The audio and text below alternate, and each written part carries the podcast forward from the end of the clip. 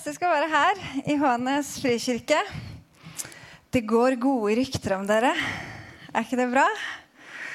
Jo, det er fint. Det går mye bra om uh, Hører mye godt om dere som menighet, om dette fellesskapet. Fint å være her. Jeg syns du egentlig sa det viktigste. Kristine Omdal og jobber i Tro og Medier. Så jeg er gift med en som heter Jonny Omdal.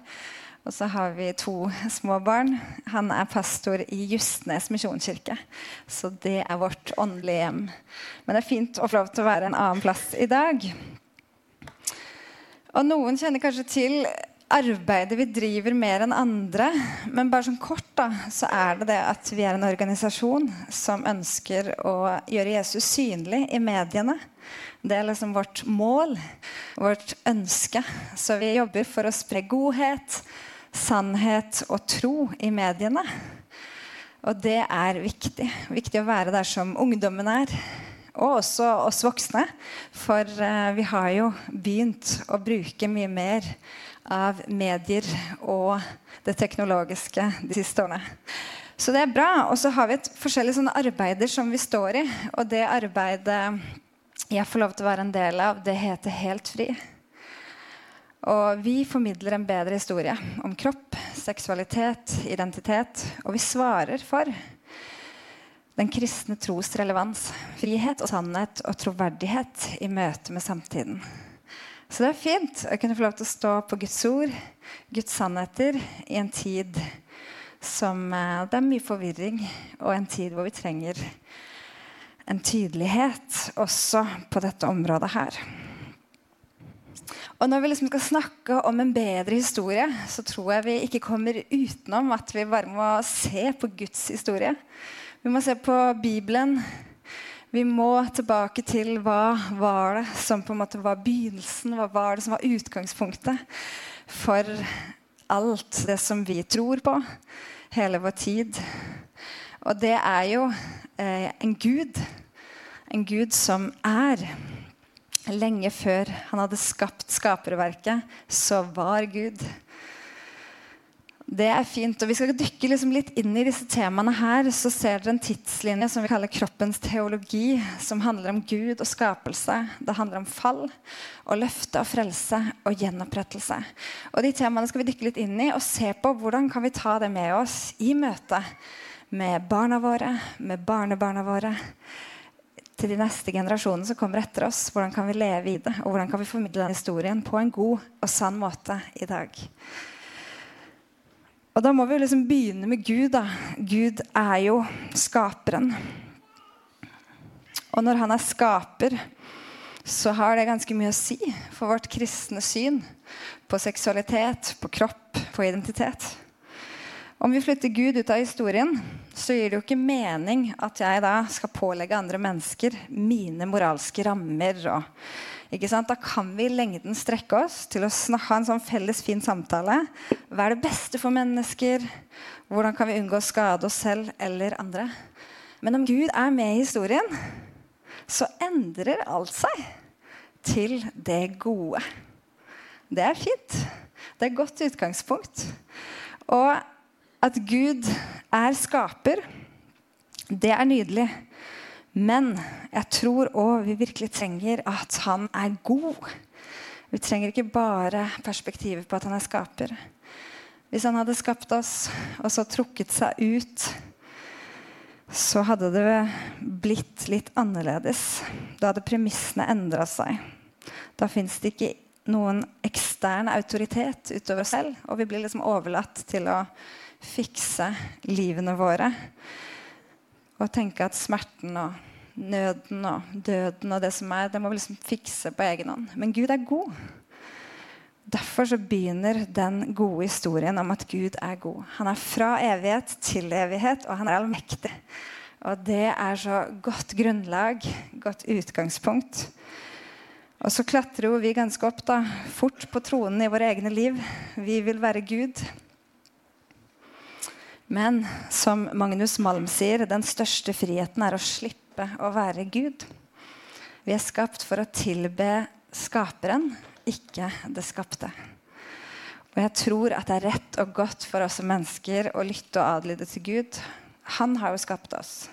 med sin intensjon og bevisste handling.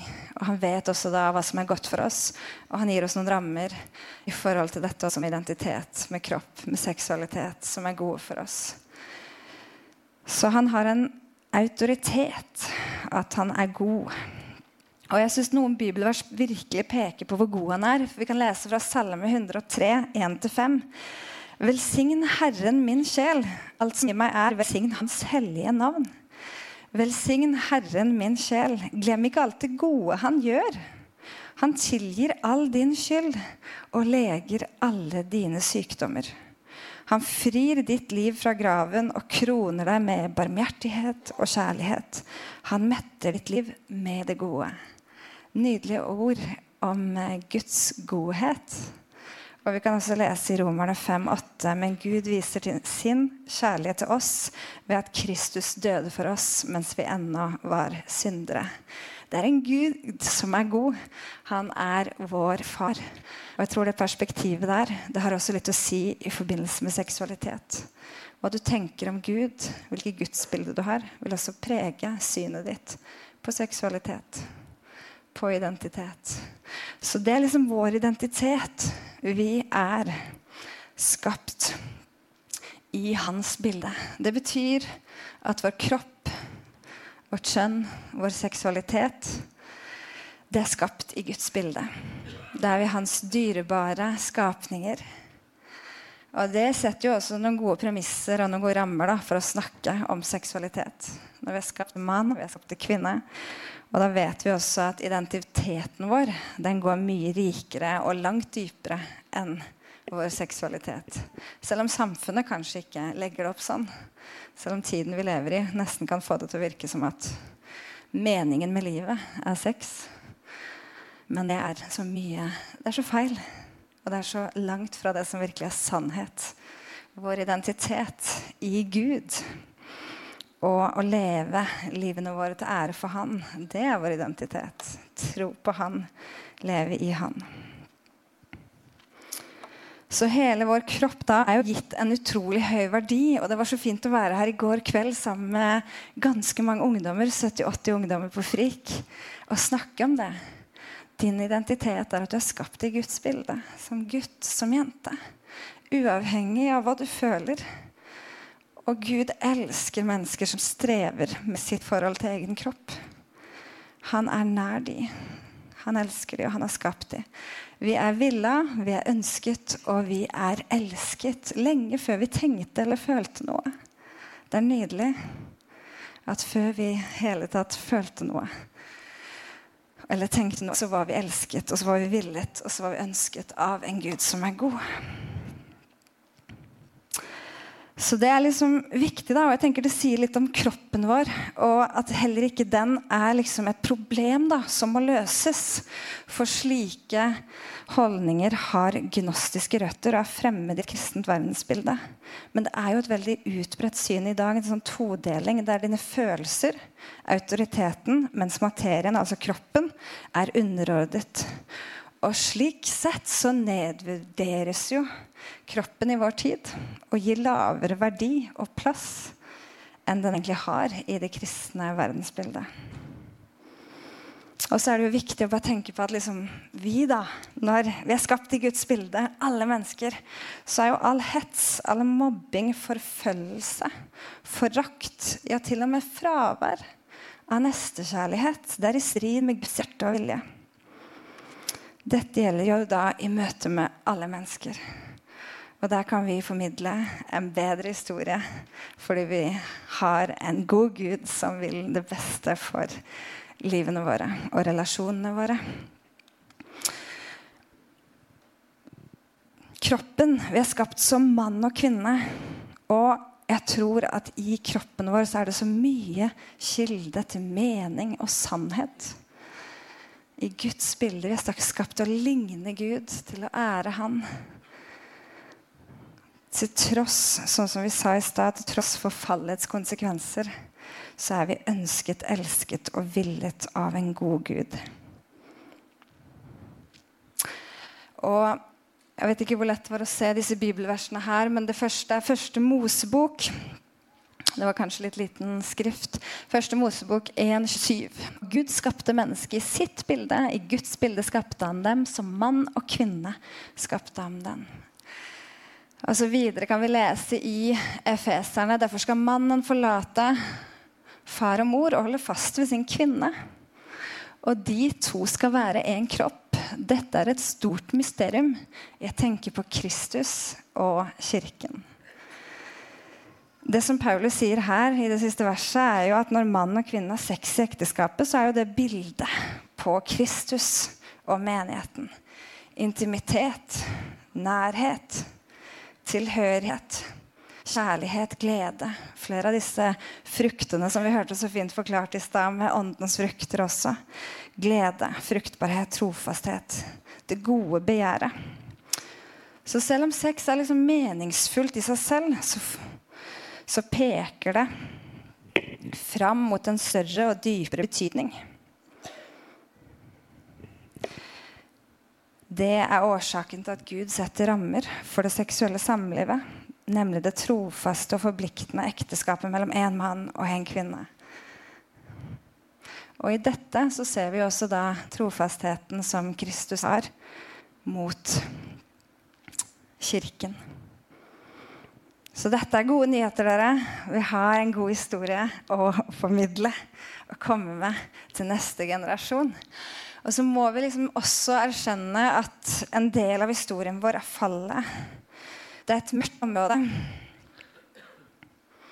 Gud ga mennesket helt fra skapelsen av.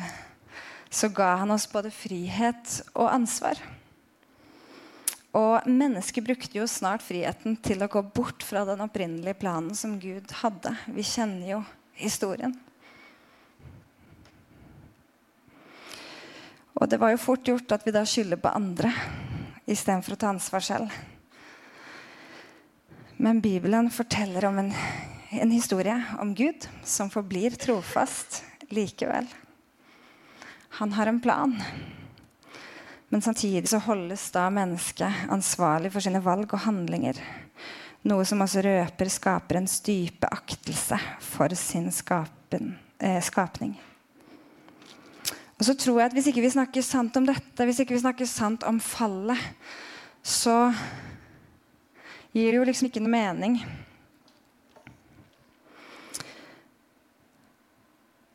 Å snakke om frelse og gjenopprettelse. Så Derfor er det så viktig at vi liksom tar det med i historien. Og Der kan vi også snakke om hvorfor noe så fint som sex og kropp og relasjoner er. I utgangspunktet. Det kan også være smertefullt og vondt og krevende for veldig mange. Men Gud han bringer sterke glimt av håp også inn her. Og for det andre så peker Guds historie også på en løsning. Så det er jo ikke så veldig langt vi skal for å liksom se at skaperverket er skada. Og vi lengter etter frihet og gjenopprettelse. Tar vi en kikk på nyhetene, så ser vi det. Og hvis vi kanskje tar en dypere kikk inn i eget liv, så vil vi kanskje se at vi har noen relasjoner hvor vi også merker at det er ikke helt sånn som det burde være. Og det står jo at mennesket eh, I Romerne 1, 25 så står det de byttet ut Guds sannhet med løgn og tilba og dyrket det skapte i stedet for skaperen, han som er velsignet i evighet. Så mennesket har alltid klatra. Om det er Adam og Eva, eller om det er Babels tårn, eller om det kanskje er oss i dag, jakter vi etter kjendisstatus, etter fasade, jakter vi etter å ha en fin utside. Det kan være influensere eller hva det er for noe. ikke sant? Hva jakter vi etter? Er det posisjon? Er det penger? Det kan være slike ting vi jakter i vår tid. Så menneskehetens egen jakt etter å tilpasse menneskenaturen slik at vi på sikt kanskje kan være da udødelige og dette igjen vil jo prege hva skjer med ungdommene og de som vokser opp Det blir et sånt identitetsprosjekt. Jeg leste for ikke så lenge siden en lederartikkel i avisen Ekspressen.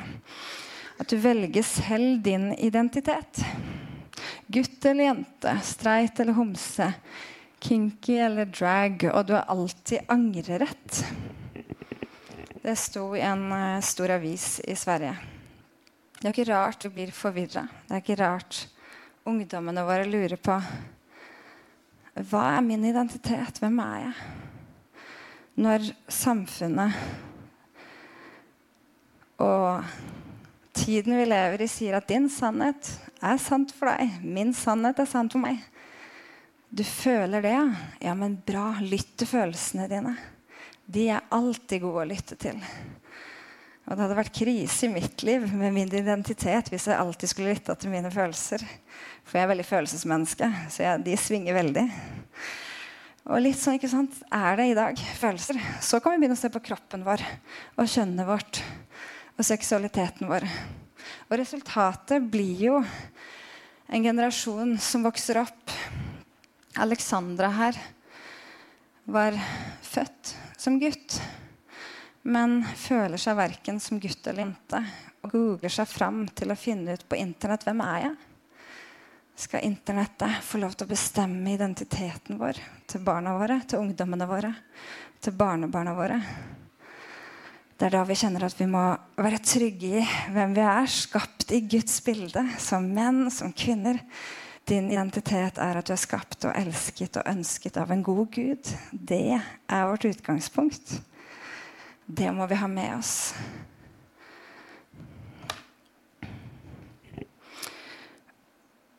Og det leder oss over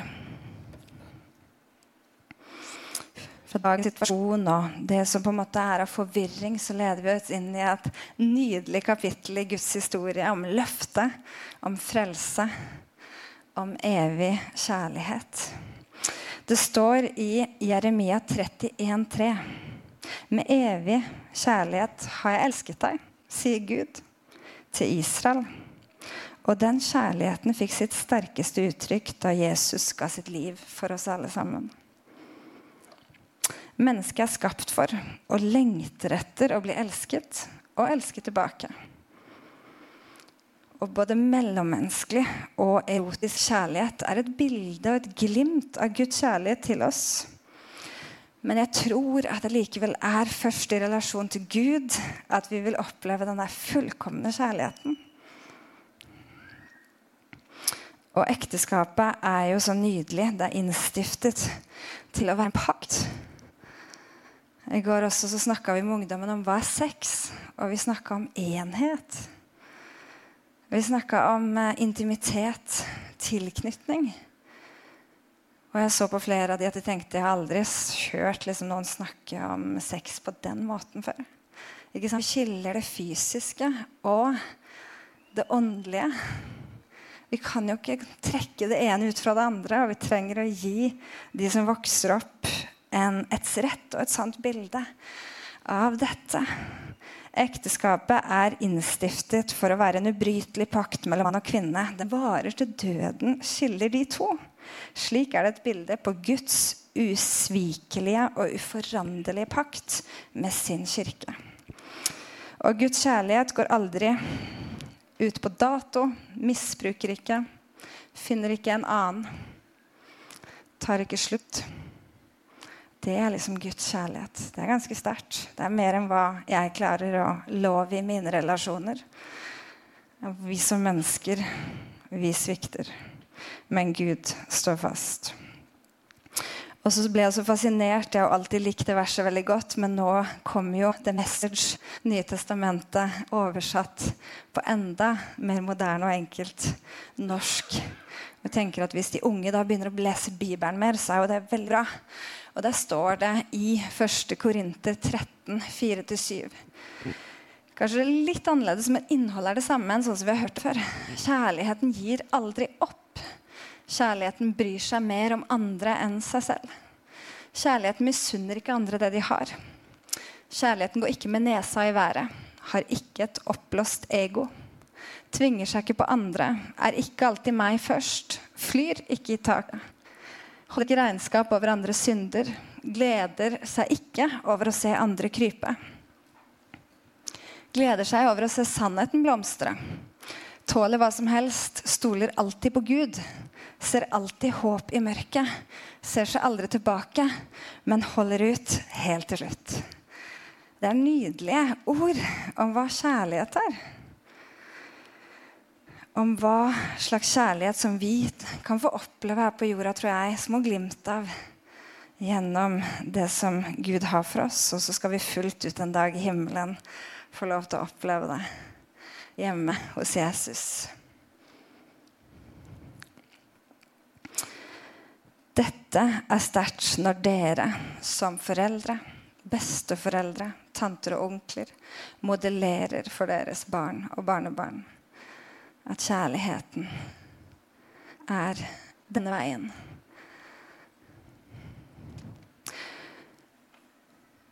Frelseren og Gud har gjort for oss, da gjennom Jesus sin død og oppstandelse sonet han all verdens synd en gang for alle. Frelsen omfatter vår egoisme, vår selvhevdelse, vår vantro, våre seksuelle synder, våre holdninger og våre handlinger. Også det som virker utilgjengelig, tok Jesus på korset for deg og for meg.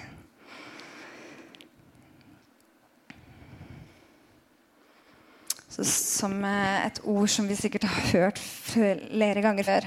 Johannes 8, 31-32. Hvis dere blir i mitt ord, er dere virkelig mine disipler. Da skal dere kjenne sannheten, og sannheten skal gjøre dere fri. Det er sannhet å være i Guds ord og leve tett til Han. Lese Hans ord, søke Han. Og så blir kanskje den siste delen av talen har vi liksom gått gjennom Guds historie og en bedre historie for livene våre og livene til de generasjonene som kommer etter oss. Siste delen blir kanskje litt sånn praktisk. Hvordan kan du i ditt liv modellere det for dine barn, for dine barnebarn, for ungdommene dine? For jeg tror det er noen tips vi kan ta med oss. Og kanskje det starter med to ting da, som må ligge litt sånn til grunn. Hva vil jeg gi videre på dette området av livet? Hva ønsker jeg? Kanskje man tenker at det er for tidlig å begynne å snakke med barna mine om kropp og sex og disse tingene her. Det er veldig lurt å begynne veldig tidlig. Og så fortelle hvorfor kysser jeg bare min mann på munnen. Hvorfor er det han og jeg som går og sover i samme seng, og ingen andre? Ikke sant? Små barn trenger å snakke om dette på en god måte. Modellere det hjemme. Og vise gjennom det vi sier. Hvorfor er kroppen vår så utrolig bra? Hvorfor får den til så mye? Forankre det i skaperverket. Og så tror jeg også vi må tenke hva og hvem skal prege og påvirke mine barn? Mine barnebarn? Generasjonene som kommer. Hvis ikke du som forelder eller bestemor eller bestefar er denne stemmen inn i dette landskapet i barna og ungdommenes liv, så er det veldig mange andre som står klare til å ta den rollen. Spesielt skole, og venner og sosiale medier, porno.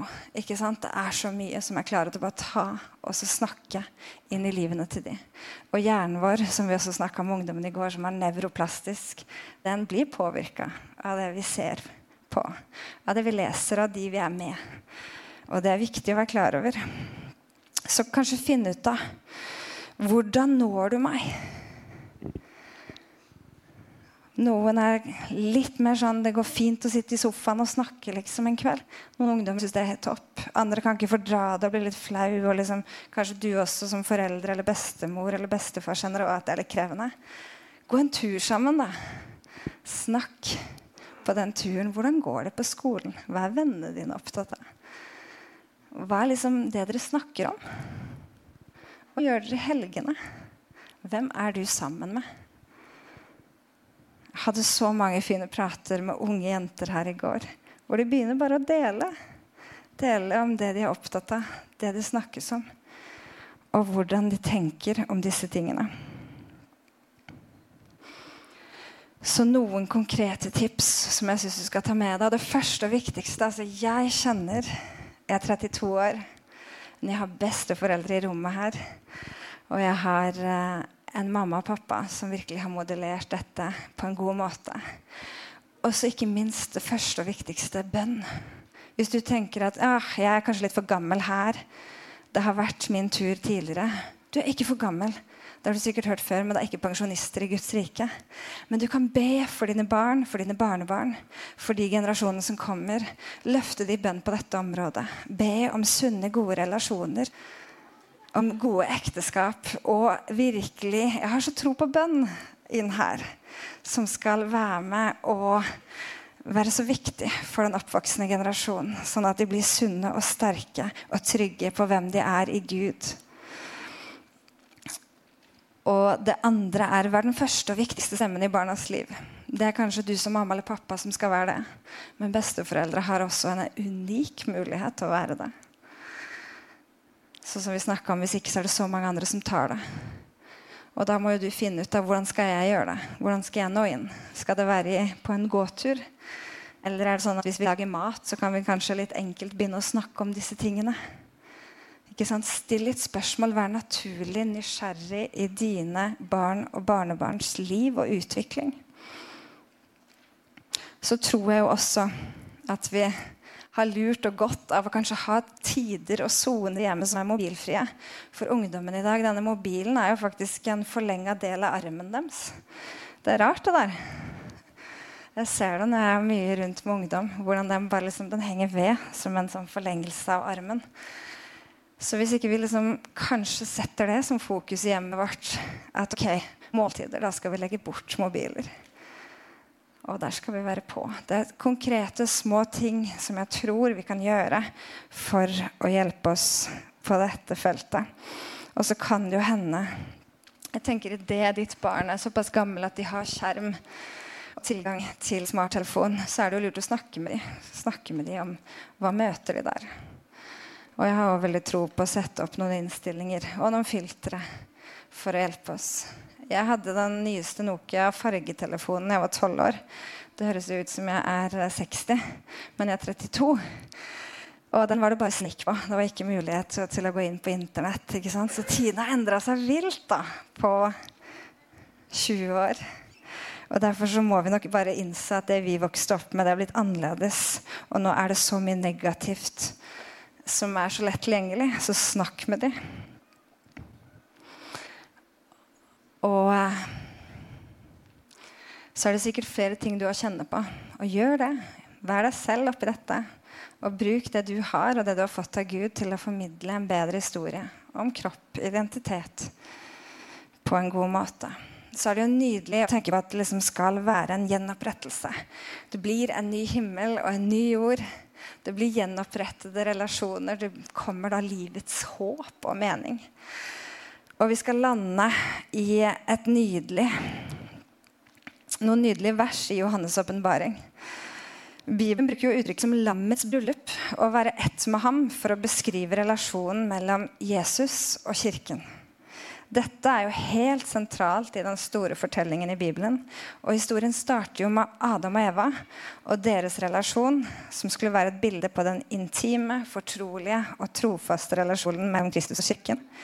Og så munner det jo ut da, i det mektige som skjer i Johannes' åpenbaring. Hvor Jesus kommer igjen og henter sin brud. Så det er mye symbolikk gjennom hele Bibelen om bryllup, mellom mann og kvinne, mellom Jesus og kirken.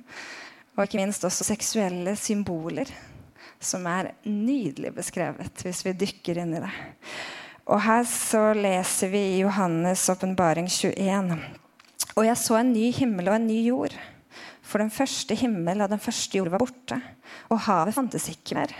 Og jeg så den hellige byen, det nye Jerusalem, stige ned fra himmelen, fra Gud, gjort i stand og pyntet som en brud for sin brudgom. Og jeg hørte fra tronen en høy røst som sa.: Se, Guds bolig er hos menneskene. Han skal bo hos dem, og de skal være hans folk. Og Gud selv skal være hos dem. Han skal være deres Gud. Han skal tørke bort hvert hver tåre fra deres øyne, og døden skal ikke være mer. Heller ikke sorg eller skrik eller smerte, for det som en gang var, er borte. Se, jeg gjør alle ting nye. Nydelig om den gjenopprettelsen som kommer, og det håpet som vi lever i. Og Jeg håper det var oppløftende i dag, og at du fikk noen tanker inn i dette landskapet her. Og jeg vil bare avslutte med å be en bønn. Kjære gode Jesus, jeg takker deg for at du er så god. At du er vår far og vår skaper, og at du har skapt oss med så uendelig høy verdi i ditt bilde som kvinner og menn. Og vi er skapt Gud til å leve i relasjon med deg. Først og fremst til å tilbe deg og til å leve i liv i ærefrykt for deg, Gud. Ikke frykte hva andre mennesker tenker og mener, men hva du, Gud, tenker og mener. Så jeg ber om at vi skal ha sånne liv Gud, som foreldre og besteforeldre i denne tiden. At vi skal være lys og salt inn i barnebarna, inn i barna og ungdommene og inn i neste generasjons liv. Gi oss kraft og visdom til å være det på vår måte, sånn som du har kalt oss og skapt oss til å være. Og til å virkelig være med å be for den generasjonen og den tiden som kommer. Sånn at det kan bli en gjeng som vokser opp og er trygg på deg. Trygg på hvem de er i deg, Gud og at vi kan få lov til å dele den bedre historien i dette landskapet på en god måte i Jesu navn. Takk, Gud, for din trofasthet. Takk for din godhet, og takk for at vi en dag skal få lov til å møte deg igjen. Bare legger hver enkelt menneske her inn i dine hender. Ber om ledelse, ber om velsignelse og bevarelse i Jesu navn.